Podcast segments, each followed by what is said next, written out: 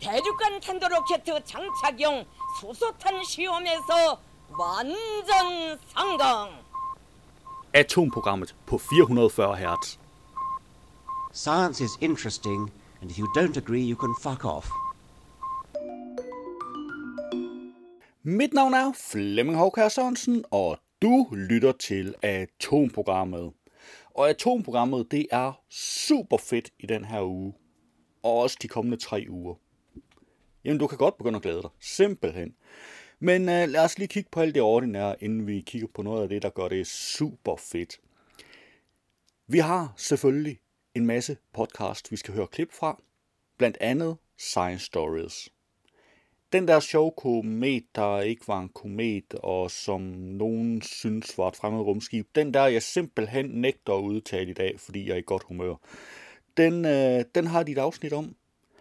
Og så er der, jamen der er vanvittig verdenshistorie.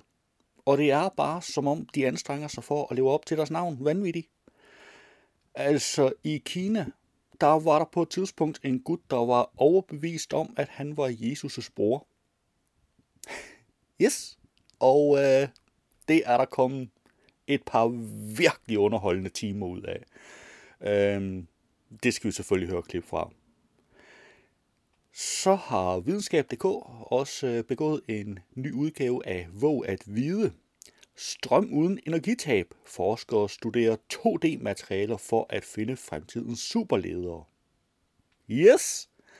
Øhm, og, og jeg lader mærke til, og det er ikke på nogen måde et kritikpunkt af verden, jeg lader mærke til, at øh, Maria Barse, hun var røgnet lidt uden for hendes, øh, hendes felt her. Det, øh, det var øh, dejligt forfriskende. man kan godt, øh, man kan godt ligesom fornemme, når folk de, de har en lille bitte smule vanskeligt ved at forholde sig til tingene. Og det er, det er simpelthen super herligt. Altså det er det, og det er ikke på nogen måde negativt ment overhovedet. Derudover, så skal vi have en podcast fra Ingeniøren. Fordi øh, de har virkelig anstrengt sig den her gang for at få lov at tale om sport. Det er ikke altid, jeg har noget med fra Ingeniøren, fordi det er ikke altid, der er noget, der er relevant at have med øh, her i programmet. Men øh, de har anstrengt sig rigtig meget for at få lov at tale om sport, så de har kigget på sportsvidenskab. Øh, og jeg har ikke selv hørt det nu. Men det jeg sådan lige hørte, da jeg tjekkede, hvad den skulle handle om, det lød faktisk vanvittigt interessant. Så jeg synes, du skal høre det samme, og så kan det være, at du også tænker, at det lyder vanvittigt interessant. Øhm, og så vælger jeg at høre hele podcasten, ligesom jeg har planer om at gøre senere. Nå, men øhm, der er også øh, videnskabeligt udfordret. Og der kan man godt blive en smule udfordret her, fordi det handler om kvantemekanik. Faktisk handler det mere præcist om kvantecomputere. Pyha. Øhm, jeg siger dig, det er langhåret. Det er bare, så er du advaret. Men Rumsnak, de kom med en øh, ny podcast her i ugen. Øhm, timingen var ikke fuldstændig optimal i forhold til programmet her. Fordi det havde været rigtig godt, hvis jeg havde kunnet bringe et klip fra den podcast sidste søndag. Den handlede nemlig om den solformørkelse, der skulle komme en, et par dage ude i fremtiden i forhold til, hvornår de udgav podcasten, men som nu ligger i fortiden i forhold til, hvornår du hører det her. Så hvorfor har jeg den overhovedet med, hvis den skal handle om en delvis solformørkelse, der allerede er overstået?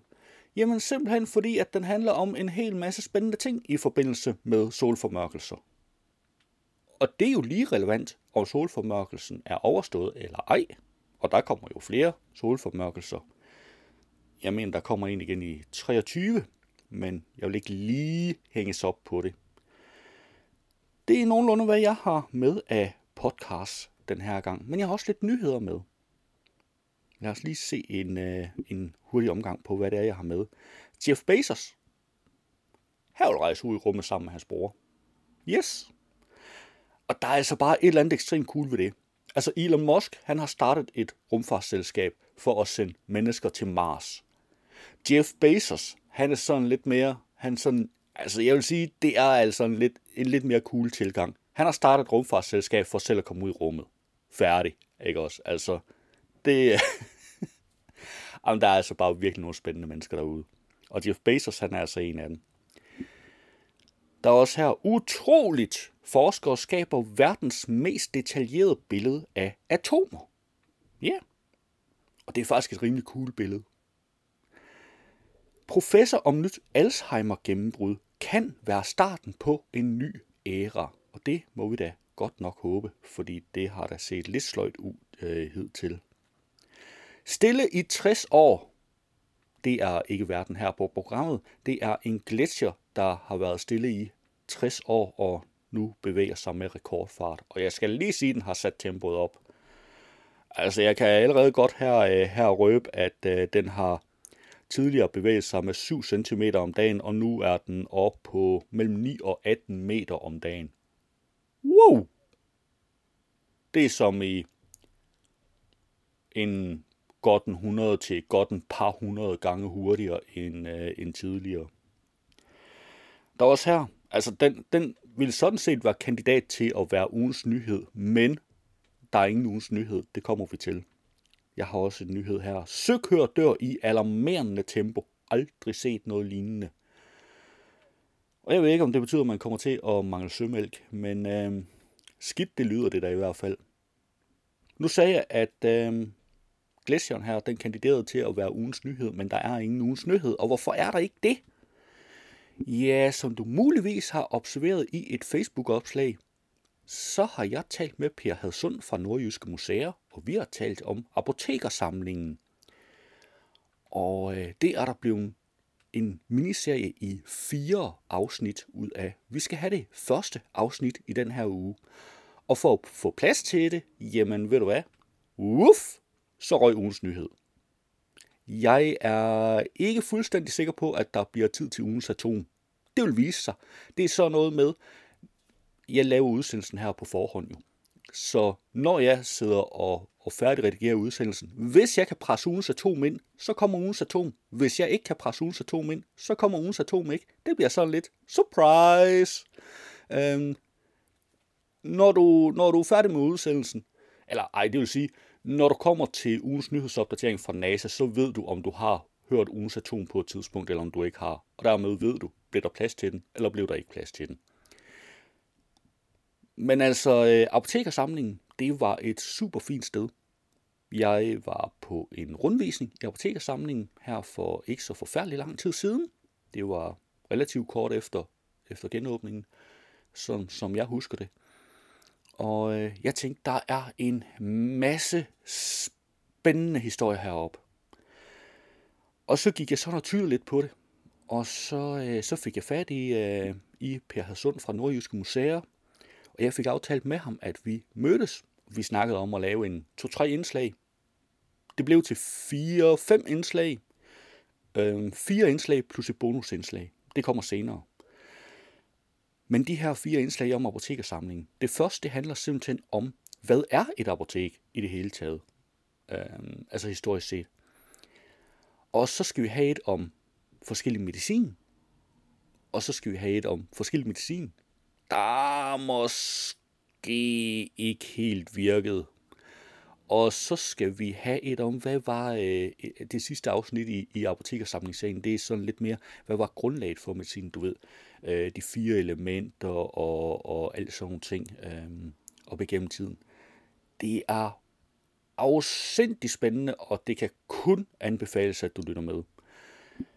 Nå, ved du hvad, øhm, jeg skal sådan set til at tige stille, hvis ikke jeg skal have brugt al tiden, så vi slet ikke får plads til ugens atom.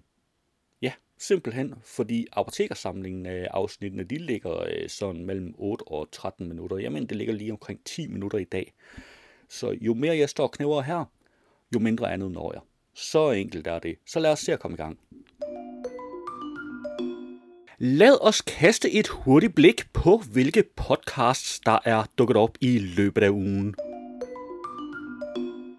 I denne uge er der også en ny udgave af Videnskab.dk's Våg at Vide podcast. Søren Ulstrup, kan du ikke lige prøve at tage den blyant, der ligger foran dig, og tegne en streg på det der stykke papir? Ja, Yes. Fedt, nu er der en streg på papiret. Og nej, kære lytter, du er ikke tunet ind på en ny lydversion af Jørgen Klevin. Vi er i gang med en ny episode af Våg at Vide. En podcast, som er sponsoreret af og lavet i samarbejde med Danmarks Frie Forskningsfond. Mit navn er Marie Barse, og bare rolig, vi skal nok vende tilbage til den her blyantstreg og give dig, kære lytter, en forklaring på, hvorfor i alverden en blyantstreg pludselig er super spændende. Det var en lille smagsprøve på Våg at vide, og du kan naturligvis finde et link i show notes. I denne uge er der også en ny udgave af Science Stories podcasten. Oumuamua er et objekt, som astronomer opdagede var ved at passere gennem vores solsystem den 19. oktober 2017. Først troede astronomerne, at det var en komet, men den blev efter nogle få dage omklassificeret til at være et interstellart objekt. Forskerne diskuterer stadig, hvad Oumuamua er. Det bevægede sig allerede hurtigt, da det ankom til solsystemet, hvor det passerede jorden i en afstand af ca. 85 gange den afstand, som der er mellem jorden og månen. Til stor overraskelse for astronomerne, der fulgte med, blev Oumuamua set skifte bane og accelereret undervejs. Det opførte sig på mange måder som noget, vi aldrig har set før.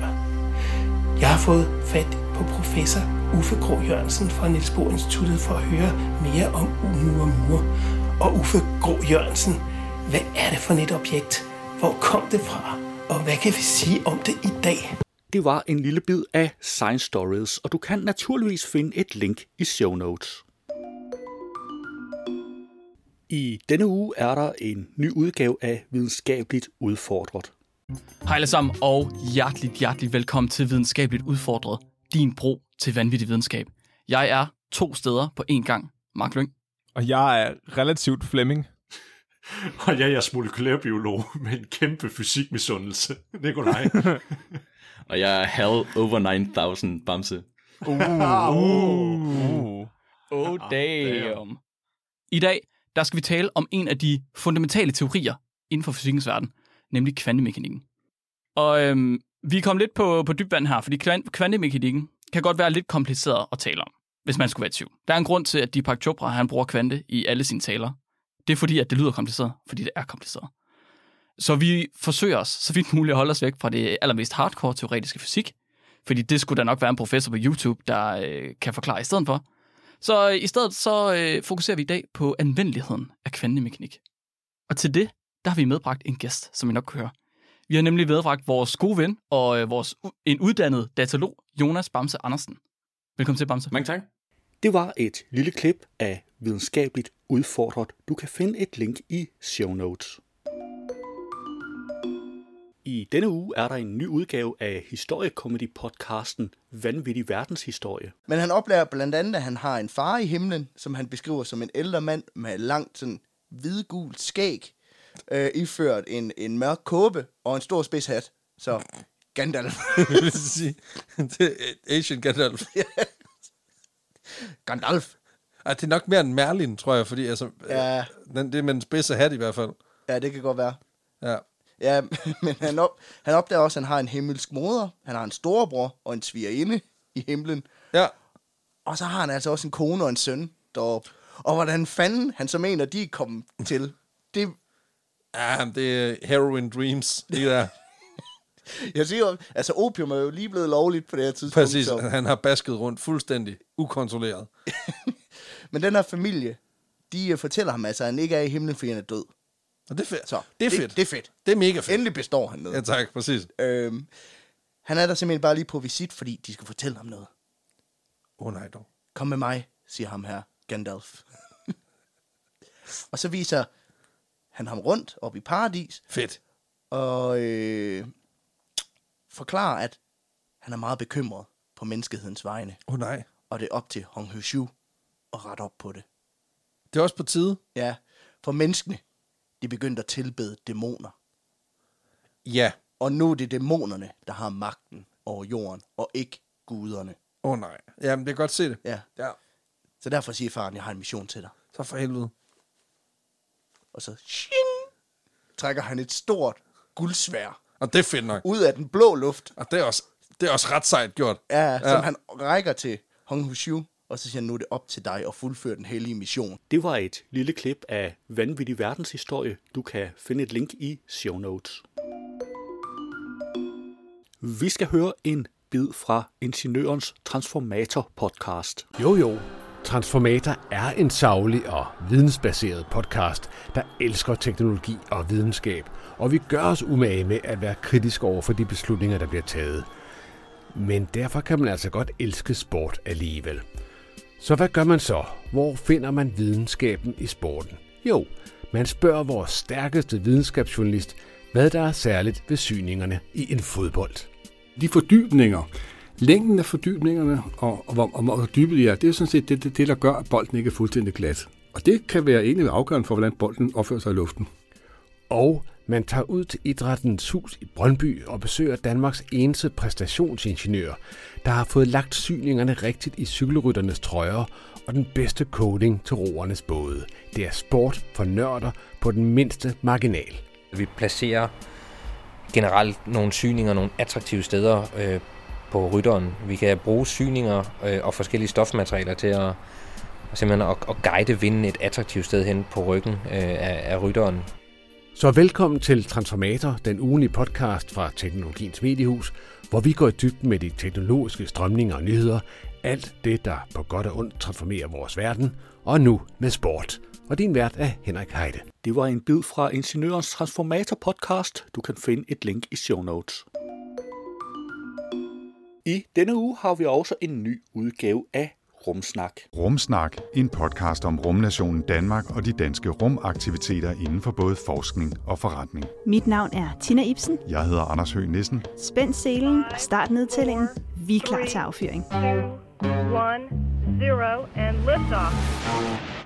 All right, uh, lift off and the clock has started. Velkommen til Rumsnak og sæsonens sidste officielle episode, der denne her gang skal handle om solformørkelser.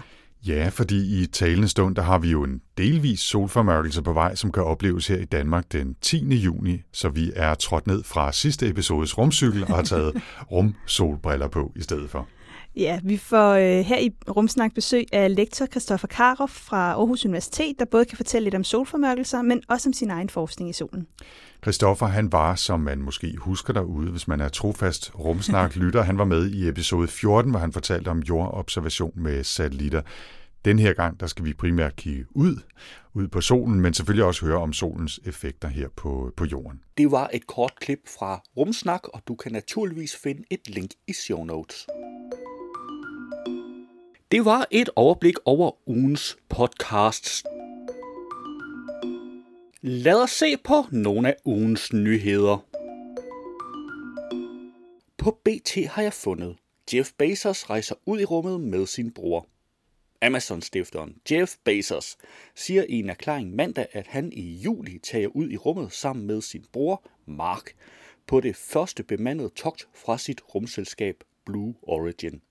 Lige siden jeg var fem år, har jeg drømt om at rejse i rummet. Den 20. juli tager jeg på min første rumrejse sammen med min bror, skriver Bezos på sin Instagram-profil. Blue Origin oplyser, at Bezos og hans bror vil rejse sammen på den første bemandede mission i selskabet New Shepard kapsel. Selskabet sælger en tredje plads ombord på en auktion. Der er allerede afgivet bud på 2,8 millioner dollar, op mod 21 millioner kroner, fra næsten 6.000 deltagere i 143 lande. På videnskab.dk fandt jeg, utroligt, forskere skaber verdens mest detaljerede billede af atomer. I 2018 byggede et forskerhold fra Cornell University i USA en maskine, der hjalp dem med at sætte verdensrekorden i at skabe et billede i høj opløsning af en elektron. Forskerne kunne dog kun lave målinger af tynde atomopbygninger, da målinger af tykkere atomer ville få elektronerne til at dele sig på måder, der ikke kunne analyseres af forskerne.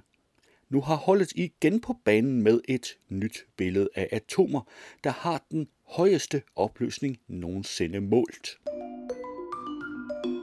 På BT har jeg fundet professor om nyt Alzheimers gennembrud kan være starten på en ny æra. Patienter, pårørende og læger har ventet i 18 år. Udviklingen af flere hundrede præparater er mislykkedes, men nu er det endelig sket. Et nyt lægemiddel til behandling af Alzheimer er blevet godkendt til brug. Det er meget glædeligt, at der er kommet et gennembrud. Det skaber et lys i mørket og giver et håb om, at der måske er noget mere på vej, siger Sten Hasselblak, overlæge på Rigshospitalet og forskningsleder ved Nationalt Videnscenter for Demens. Det, der har været så deprimerende og frustrerende i de seneste to årtier, er, at den medicin, man har forsøgt at udvikle, har fejlet igen og igen. Det har skabt mismod blandt patienter og behandlere, siger han. På Ekstrabladet har jeg fundet, stille i 60 år, Gletsjer bevæger sig med rekordfart. Gletsjeren Moldrove har siden 1957 ligget nærmest stille midt i den amerikanske nationalpark Denali, Alaska. Men nu er den begyndt at rykke sig med rekordfart. Den knap 63 km lange gletsjer har de sidste 60 år bevæget sig ca. 7 cm om dagen, hvilket er rimelig stillestående for en gletsjer. Men i foråret opdagede en pilot på flyvetur tilfældigt, at gletsjeren var begyndt at slå sprækker. Det var bare det første tegn på, at gletsjeren ville begynde at flytte sig. Men at den flytter sig med så voldsom hastighed, som den gør, har fået amerikanske forskere til at spærre øjnene op. Moldrov bevæger sig nemlig i øjeblikket med 9-18 meter om dagen. På Ekstrabladet har jeg fundet, søkør dør i alarmerende tempo. Aldrig set noget lignende. En sand naturtragedie udspiller sig i disse dage, hvor søkøer dør som fluer i farvandet, der omkranser USA. I 2021 er 761 såkaldte Florida-søkøer således afgået ved døden, svarende til omkring 10 procent af populationen, og antallet har overgået det samlede tal for hele 2020, det skriver Washington Post. Fortsætter udviklingen, kan antallet af døde søkøer nå helt op over 1000 inden året er omme. Det var ugens nyheder, og du kan naturligvis finde links til samtlige artikler i show notes. Jeg står her sammen med Per Hadsund fra Nordjyske Museer. Vi står i apotekersamlingen, hvor han vil fortælle os en masse spændende. Hvad vil du starte med at fortælle os om? Jamen først er jeg jo nødt til at fortælle, hvad et apotek er. Eller var. Fordi apotekerne har ændret sig rigtig meget til det kedeligere inden for de sidste årtier. Indtil 1990, der var et apotek et sted, hvor man producerede al den medicin, eller det mest den medicin, som man solgte. Øh, og sådan har det været i adskillige århundreder. Et apotek var et sted, hvor man øh, indsamlede og købte sig til alle de forskellige råvarer. Det var flere tusind, som man skulle bruge til at lave medicin af, og så fremstillede man medicinen. Så da apoteket her i Aalborg, det første apotek i, i Nordjylland, som hed Svaneapoteket, øh, da det begyndte øh, sin drift i 1639, der skulle der være over et par tusind råvarer, og kommer lidt længere frem i tid til 1672, så skal der være over 2.700 forskellige råvarer, det som apotekeren kalder droger, og færdige medicamenter. Og det var simpelthen fuldstændig fast bestemt. Altså lige fra starten var der en meget fast lovgivning øh, om, øh, hvad der skulle være på et apotek.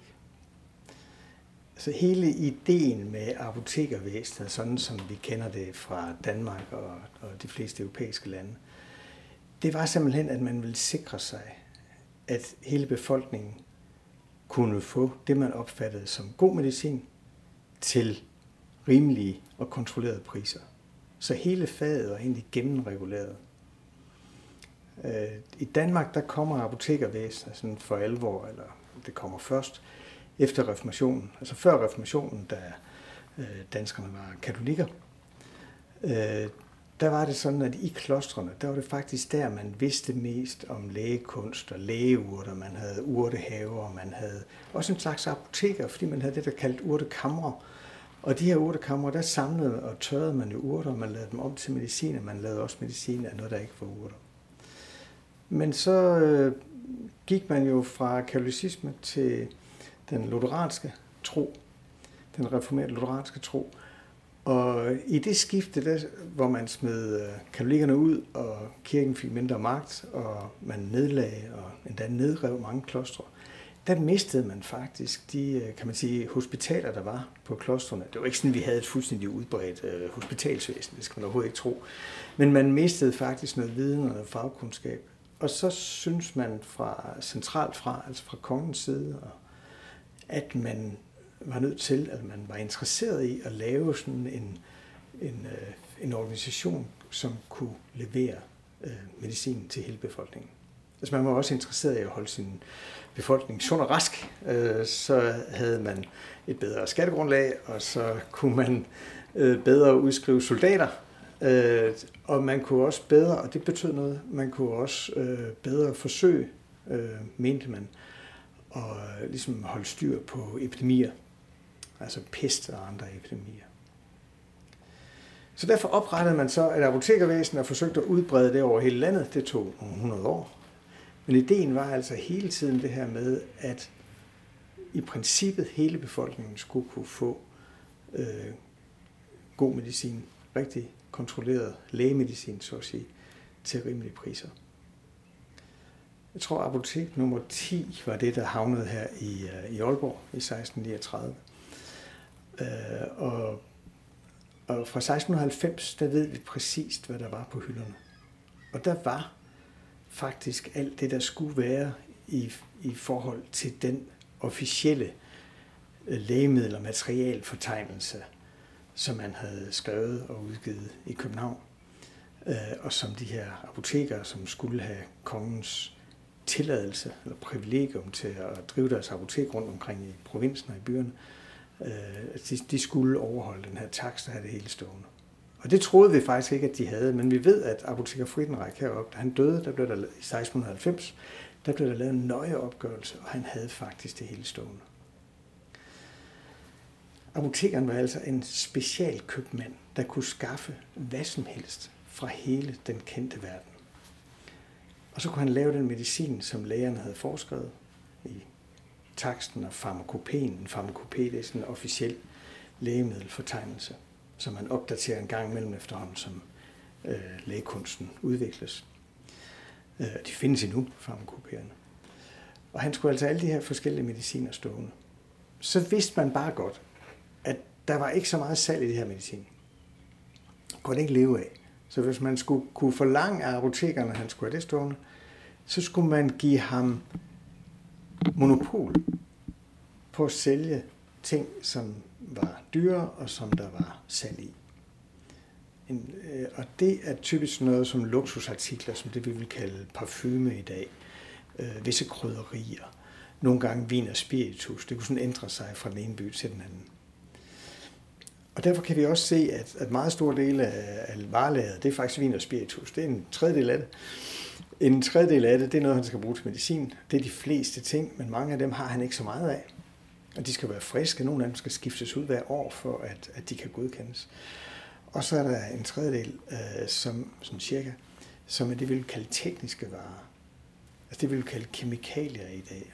Krydderier, ting til husholdning, ting til malere, særlige pigmenter fra hele verden, altså brun jord fra Umbrien. Det, øh, det kan være øh, også fine malefarver, som øh, blymønje eller sinoper, som giver hver sin meget flot røde farve.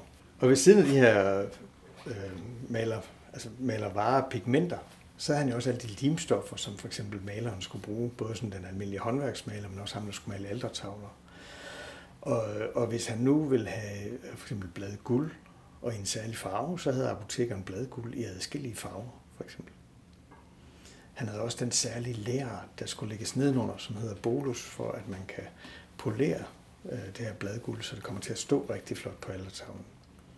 Så det var en ekstrem specialiseret købmand, man besøgte, når man besøgte et apotek.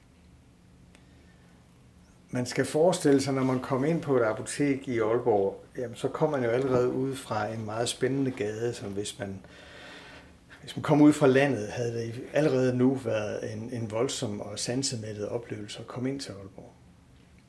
Øh, der var mange mennesker, der boede måske 4.000, 5.000 mennesker i Aalborg. Det var rigtig, rigtig mange på så lidt plads. Øh, der blev ikke bare talt øh, det sprog, man selv kunne. Der blev også talt øh, noget, man måske kunne forstå, hvad var. Øh, norsk og svensk, men også hollandsk og tysk.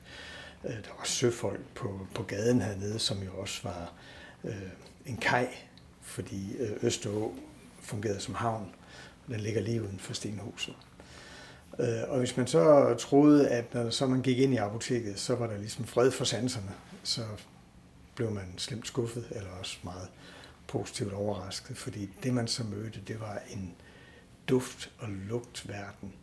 Kom ind i et, et lokale, hvor der var øh, ret store vinduer for tiden og lys, men det var helt tæt pakket med møbler, øh, med sorte skuffer, med røde kanter og hvide bånd, hvor der stod for de fleste fuldstændig uforståelige ting på latin. Øh, så det har været meget imponerende, og samtidig som sagt, så har der lugtet af alle de her ting. Nogle af dem lugtede godt, andre mindre godt. Øh, så det har været et sansebombardement, og meget eksotisk faktisk, at komme ind på et apotek. Og, og apotekeren har selvfølgelig haft alle de her øh, skuffer fremme i det lokale, som publikum kom tættest på. Det var kun en lille del, det hedder officinet, man kunne se som publikum, inden bag ved lå lager og laboratorier. Øh, men han har selvfølgelig sørget for at have alle de her ting udstillet i de flotteste krukker og flasker og dåser, han kunne finde på, øh, fordi det var hans reklameskilt. Og alle de her beholdere skulle også være tæt ude på, på skranken, så man hurtigt kunne få noget ned i øh, den beholder, man kom med. Altså den, nu ved at indføre butikker, hvor man får fyldt op i den beholder, man kommer med, men det var det almindelige på det her tidspunkt, så man kom som regel selv med en lille beholder, man så fik fyldt sine ting i. Ja, jamen tak skal du have. Og det var øh, Per Hadsund fra Nordjyske Museer, og øh, vi står i apotekersamlingen i Jens Bang Stenhus i Aalborg. Hvis du selv har lyst til at læse mere, så kan du klikke ind på linket, der er i show notes. Så er vi nået til ugens atom. Iridium er det 77. 20. grundstof i det periodiske system og har det kemiske symbol IR. Under normale tryk- og temperaturforhold optræder dette overgangsmetal som et hårdt og skørt sølvglinsende metal med høj massefylde. Iridium udgør sammen med osmium og platin de tunge platinmetaller. Iridium er et fast stof, der har et smeltepunkt på 2466 grader Celsius og et kogepunkt på 4428 grader Celsius. Det hårde og skøre iridium er svært at forarbejde og forme, men til gengæld er det det mest korrosionsbestandige metal, man kender. Ingen syre kan reagere med iridium, end ikke kogevand. Til gengæld angribes metallet af smeltet salte som natriumklorid og natriumcyanid. Den primære anvendelse for iridium er som ingrediens i legeringer sammen med platin, som derved bliver hårdere. Der tilbruges iridium i diler og andre varmebestandige genstande, samt i forskellige former for elektriske kontakter herunder tændrør. Det var ugens atom i atomprogrammet. Hvis du havde hørt radioudgaven, så ville her være denne uges udgave af NASA's nyhedspodcast This Week at NASA, men den er ikke inkluderet i podcastudgaven af udsendelsen. Du kan finde et link til den i show notes. Det var atomprogrammet for denne gang. Du skal have tak, fordi du lyttede med, og vi lyttes ved næste gang. Atomprogrammet er hjemhørende på 440 Hz. Du kan finde mere på 440 Hz.net.